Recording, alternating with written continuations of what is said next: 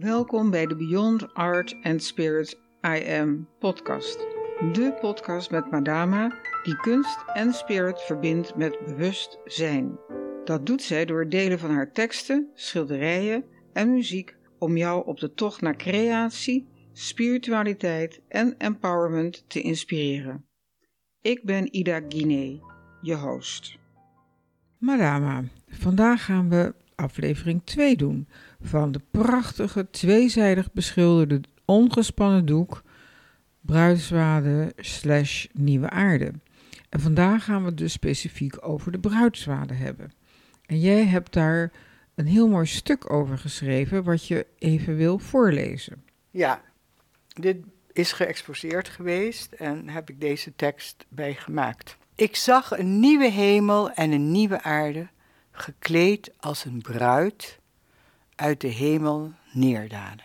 Het doek vertegenwoordigt de bruid als transparante huid. Zij draagt het kleed van de levende geest. Zij draagt een sluier, omdat zij ontsluierd moet worden. Pas als je beseft dat je door sluiers naar deze wereld kijkt, krijg je toegang tot de bron des levens, het ik ben, je kern. Je ziel is de drager van deze kern. Het huwelijk van geest en ziel is de bestemming van ons bestaan, want dan kun je verder gaan. Dat is de evolutie van het bewustzijn. De bruid in jezelf is de levende verbinding met de gehele natuur, een symbool van hoop. Want nu is het haar tijd. Haar stem roept in de woestijn: Ik ben, was en zal zijn. Je innerlijk domein. Ontsluier mijn geheim en ik zal altijd in jou je inspiratie en troost en bron van vernieuwing zijn, als een boeket vol moed.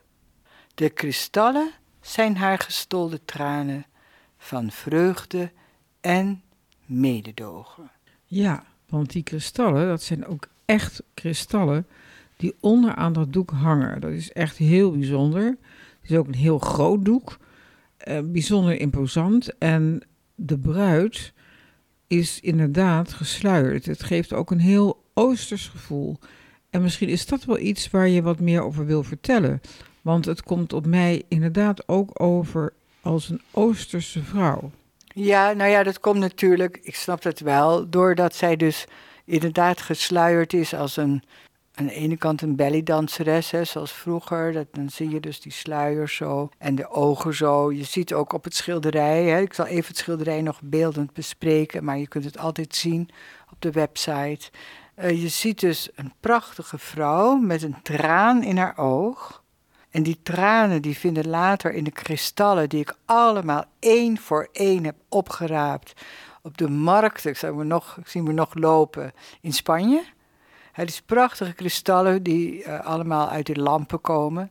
En die heb ik allemaal zo daaronder gezet om haar toch die draagkracht te geven. Ik vond dat het, ja, het had nog iets nodig qua formaat, maar ook ja, iets wat haar nog krachtiger maakte. De kristal, en je weet, kristal is natuurlijk, het is geslepen kristal in dit geval, gesmolten kristal. Maar kristal, dat weten we allemaal. Hè? Dat zijn dus natuurlijk ook prachtige energieën die alle frequenties vasthouden. En dus zij, zij is een bruid, dat zie je dus op het schilderij. Ze heeft een traan in haar oog. Is het van ontroering? Of is het van, en dat is dan weer de metafysische betekenis, is zij inderdaad de Isis dat is de bekende spreuk van alleen, ja, noem het maar, in de dood, bij wijze van spreken, kun je mij zien. dus geen sterfelijk mens kan mij zien, zegt zij in de oude geschiedenis van Sais in Egypte. Dat is het mysterie. Maar ja, deze tijd is natuurlijk ook een soort uitdaging om te weten nu. door de kwantumfysica en door alles weten we steeds meer deze realiteit is maar uh, een matrix, om het maar even in modern te zeggen. Hè, dus een, een verschijningsvorm van een configuratie van energieën. Hè, dus het is niet statisch. Hè, de werkelijkheid is in feite een configuratie van allerlei atomen. Nou, zij, Isis, de bruid, verlangt ernaar dat je haar ontsluiert. Dus aan de ene kant kun je zeggen het is een Oosters symbool, wat misschien al eeuwenlang bekend is. de sluierdans, alles. Ik denk dat het ook oude kennis is, dat men wist van, nou, men laat de vrouw, die natuurlijk symbool is van die nieuwe aarde, de symbool is van de ziel, die kan je nooit echt zien, alleen door een sluier. En als zij trouwt, en als we dat dan even in de hoogste betekenis van het woord trouwt met de geest, het mystieke huwelijk, is een heel oud symbool, de Hieros Gamos. Dat is het alleroudste symbool van de eenheid van geest en ziel. Jung heeft er ook veel over geschreven, de alchemie.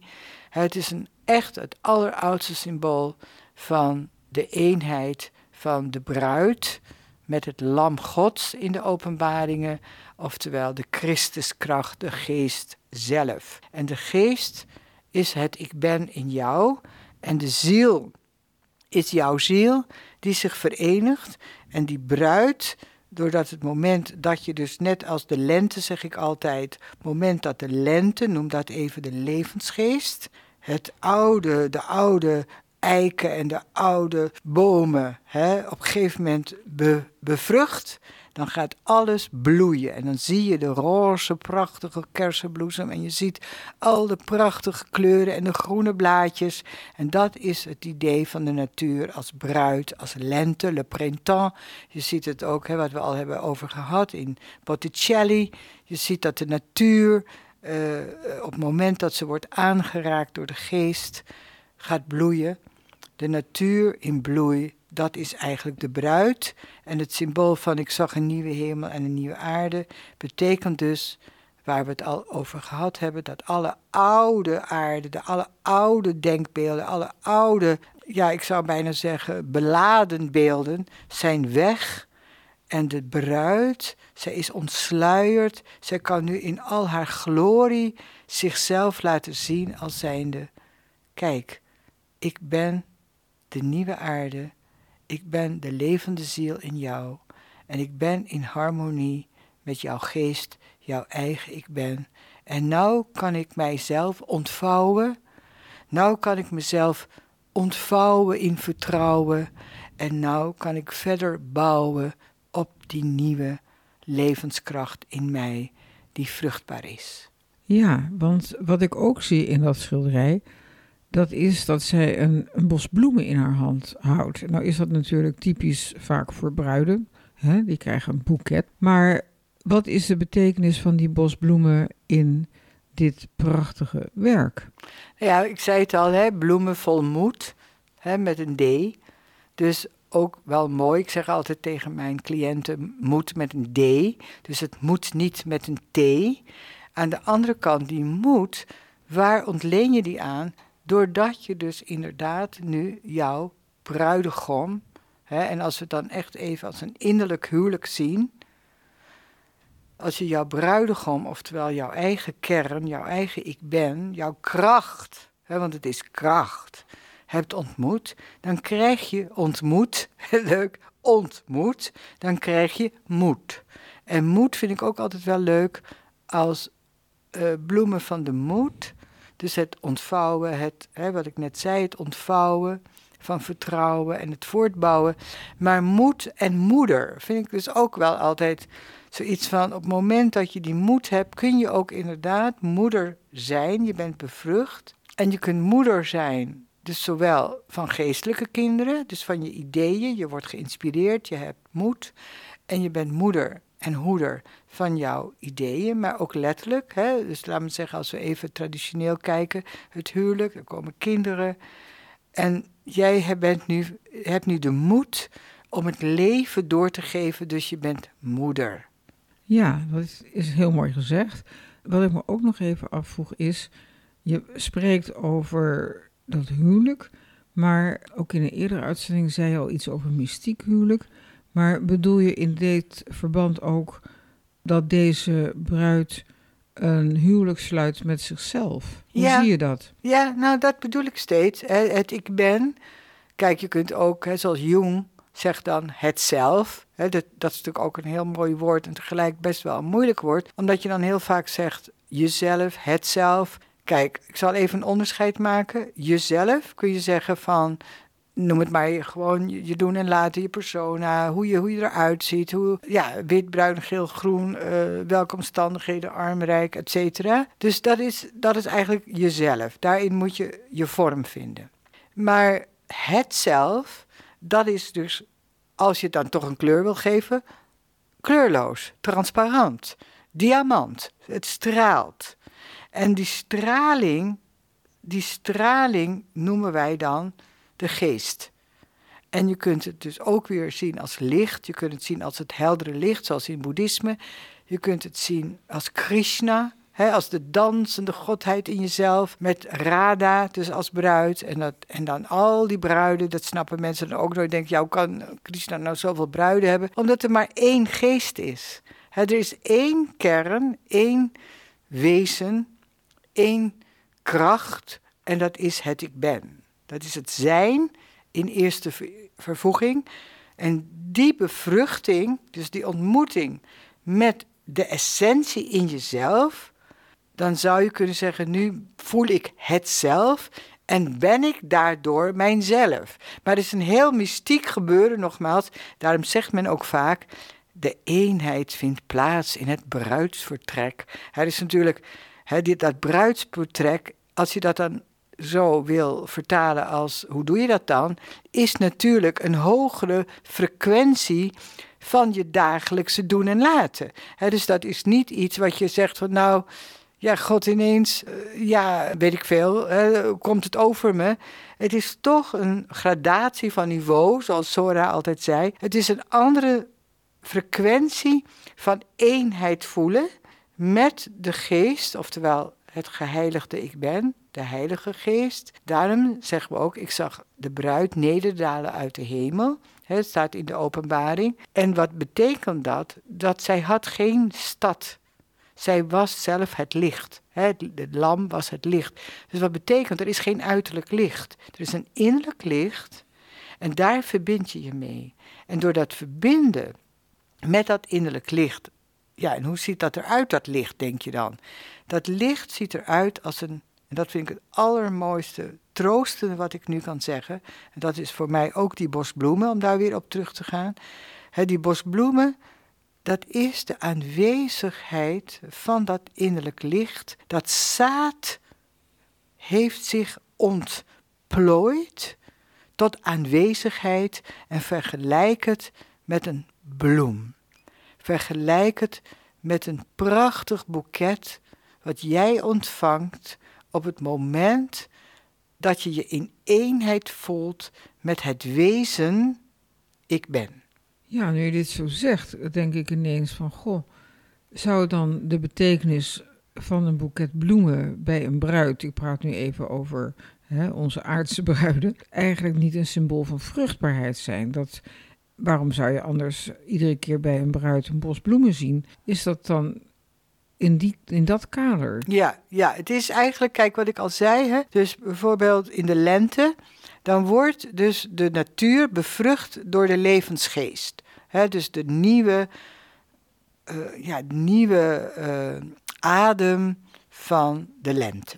Hè, le printemps, de wedergeboorte, de renaissance. Ineens komt dat zonlicht, de warmte en die bevrucht de al aanwezige levenskracht en het komt eruit en ineens staat alles in bloei.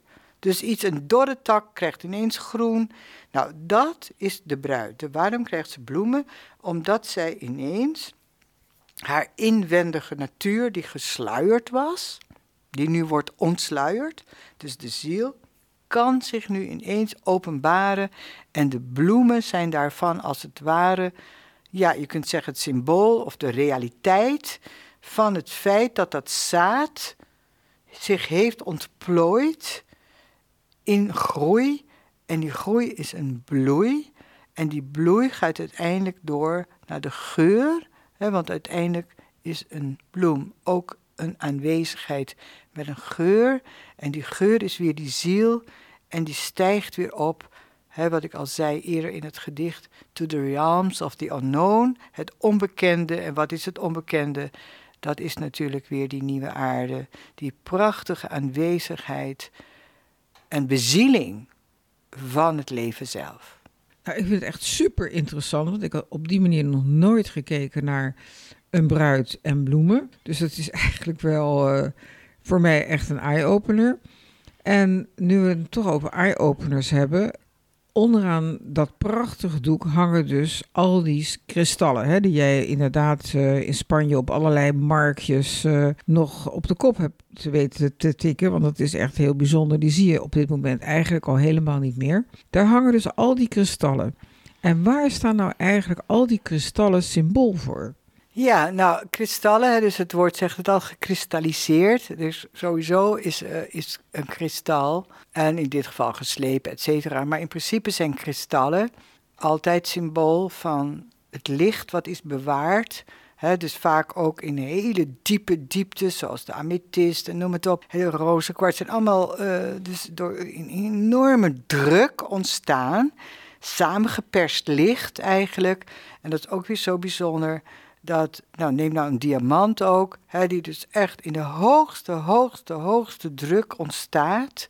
En al die, nou in dit geval, uh, dus de, de carbon, dus die helemaal samengeperst is en uiteindelijk het, het hardste element wordt. Hè, dus dus het, het heeft het licht volkomen gecondenseerd, oftewel gekristalliseerd. Het is de natuurlijke vorm ook van de natuur vaak in nou ja, de stagilieten en noem het overal waar je het ziet prachtig, die kristalvorm is een normale vorm. Maar kristallen verbergen dus de energie, hè, dus of verbergen, laat ik het zo zeggen, houden vast, is beter gezegd, het licht, de energie van alle frequenties en is ouder dan wij ooit. dus dat is vaak. Dus kristallen is sowieso op zich een hele. Nou, daar kan je natuurlijk waanzinnig veel over vertellen. En elk kristal heeft zo zijn betekenis. Dit is dan bergkristal. En dit kristal heeft dus uh, in mijn schilderij. A, dus de betekenis van dat het de waarden vasthoudt. Dat het een meerwaarde is voor het doek. Het doek, het verf en de intentie. Houdt de intentie vast van de nieuwe aarde. ik zag een nieuwe hemel en een nieuwe aarde. Dus het is ook het nieuwe Jeruzalem, zo je wil. dus de nieuwe manier om vanuit een innerlijk rijk een innerlijk koninkrijk aanwezig te zijn. Maar het zijn ook inderdaad de gestolde tranen. dus het is om deze aarde, nou ja, neem even op dit moment met al die oorlogen. Niet nieuw natuurlijk, zoals eeuwen, maar zeker op dit moment. Nou, het is ongelooflijk. dat is, dat is nou ja, hartverscheurend. Dus die tranen van de moeder, van de grote aanwezigheid van de ziel, van de bruid dus, de, de bruid is, is ook het symbool van wijsheid. Hè. Neem ook uh, dus het hooglied van Salomo. Hè, het is de wijsheid die huilt. Maar tegelijkertijd, en dat is het dubbele ook van deze kristallen, en ook überhaupt van kristallen, hoe zij ons kunnen verrijken hè, met hun aanwezigheid. Wat, wat, wat er gebeurt is dat ze in die tranen, dus niet, noem het, ze leven mee, maar we noemen het medeleven. dus het is ook mededogen. Het is dus niet het worden van het verdriet, maar het is het medeleven van het verdriet en tegelijk het mededogen met het lijden van de mensheid. En tegelijkertijd, dan krijgen we weer het gebied van de genade, omdat zij dus uiteindelijk niet die menselijke ziel is, maar als het ware de kosmische uh, levenskracht, hè, de lentekracht, de levenskracht die zij ondergaat, die zij is, die nieuwe aarde, die voedt, die hoeder is en moeder is, daardoor kan zij ook ons letterlijk voeden met licht. Mededogen is het medeleven, maar ook tegelijk, ze voedt ons weer met moed. Dan komen we weer op dat ik zei, het boeket vol moed. dus zij is zij geeft ons ook kracht. En die kristallen geven ons ook kracht door de aanwezigheid dat ze dus zo gekristalliseerd licht zijn. En dat is een hele mooie cyclus van verbondenheid weer. De nieuwe aarde is verbondenheid. En ook dat ze met ons meeleeft, maar zij is toch net die dimensie die niet als het ware meegaat met onze ontkrachting, maar ons juist de kracht en de moed geeft om verder te gaan. Nou, maar wat ik zo ongelooflijk bijzonder vind, is dat de hele uitleg die jij nu geeft, op heel subtiele wijze eigenlijk een, wat we tegenwoordig noemen, moet eigenlijk hè, elk schilderij en elk ding wat een kunstenaar maakt, moet tegenwoordig duurzaam zijn en maatschappij kritisch en nou ja, noem het allemaal maar op. Maar jij doet dat op een hele subtiele, ingehouden manier. En eigenlijk nu, nu je zo vertelt over wat de betekenis is van de bruid en ook de kristallen en het mededogen met de wereld, zie je dat jouw werk, en dat is iets wat wij heel vaak ook terugkrijgen van mensen, zo enorm gelaagd is. Het is niet verf op doek, het is de uiting van een heel diep innerlijk proces. En zoals we dus nu mogen meemaken, mogen horen, krijgen we nu een inkijkje eigenlijk in jouw ziel en in jouw visie op hoe de mens en ja, de wereld eruit ziet. Ja, metavisie. Het is een heel mooi woord, want ik, mijn boek in de touw zeg ik artistieke metafysica. En dat is natuurlijk eigenlijk helemaal geen uh, bestaand iets. Maar artistiek bedoel ik, net als dat ik zei, spontaan, organische structuur, hè, spiritualiteit. Ik heb het in en in beleefd. Ik heb heel veel religies uh, bestudeerd. En voor mij is de uitdaging, wat ik ook al zei, hè, hoe krijg ik mijn persoonlijke talenten en kwaliteiten en noem het op alles wat je bent, in harmonie met de universele levenskracht. Dus dat het niet alleen voor mij iets betekent, maar dat het universeel is. De homo, homo universalis, hè, de renaissance weer. Dat was de drijfveer in, in de renaissance, die universele kracht. Wat is leven? Wat verbindt ons? En ik vind inderdaad dat ik trek me niks aan van allerlei modeverschijnselen. Ik zei al als, ik geloof 18-jarige, de antic en de actual. Dus de antic is de eeuwenoude symbolen en Michelangelo en noem het op, de renaissance met name. Maar ook Plato en nog eerder, et cetera. Uh, Oost en West. En nu, actual. Dus hoe breng ik het in deze tijd vorm? En ik schilder echt niet als een Michelangelo. Ik schilder helemaal niet uh, nou ja, waarschijnlijk kunnen honderdduizend miljoen mensen tien keer beter schilderen. Maar wat ik wel doe, en dat weet ik van mezelf, nou noem ik het ook modern sacred art from the heart. Dat is dat ik hele oude, eeuwenoude begrippen en krachten probeer samen te brengen in dat gekke tubetje verf. En nogmaals objecten, hè, de ritual art constructions. Zodat ik eigenlijk een nieuw icoon maak een levend icoon in deze tijd. En mijn diepste wens is dat het mij overleeft. En dat mensen, en dat krijg ik inderdaad wel vaak terug, die zeggen: Wauw, ik, ik, ik voel de energie. En dat vind ik zo leuk. En ze voelen zelfs de spirituele energie. Nou ben ik al helemaal verrast. Maar dat is wat ik wil. Dat je ziet, het is geen verf op doek. Maar de levenskracht via Madama doorgegeven aan het universele leven. Ja, madame, dank je wel. Voor de mensen die dit fantastische werk willen zien, alle uitzendingen komen ook op ons blog. En in ons blog kan ik dus afbeeldingen opnemen. En dus dan zie je ook het schilderij. Maar het is ook heel bijzonder dat je dan, ja, stel je wilt nog even nalezen, kan dan ook www.madama.nl. Daar staat alles op. En tot de volgende keer maar weer. Dag. Super bedankt dat je geluisterd hebt naar deze aflevering van de Beyond Art and Spirit I Am podcast. Het is ons doel om zoveel mogelijk mensen te inspireren, zodat er meer creativiteit en bewustzijn in de wereld komt. Ben je nieuwsgierig naar de volgende aflevering? Abonneer je dan in je podcast-app door te klikken op abonneer. En klik ook even het belletje aan als je op de hoogte wil blijven van nieuwe afleveringen.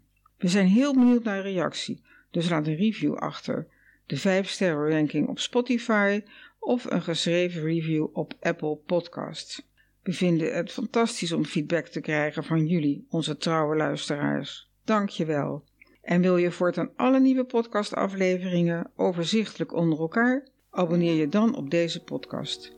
Klik in je podcast-button subscribe en je ontvangt automatisch een berichtje als er een nieuwe podcastaflevering verschijnt. En wil je meer weten over een thema, schilderij of gedicht? Stuur een mail naar info.madama.nl. Meer info vind je ook op de website www.madama.nl. Dank voor het luisteren en graag tot een volgende keer.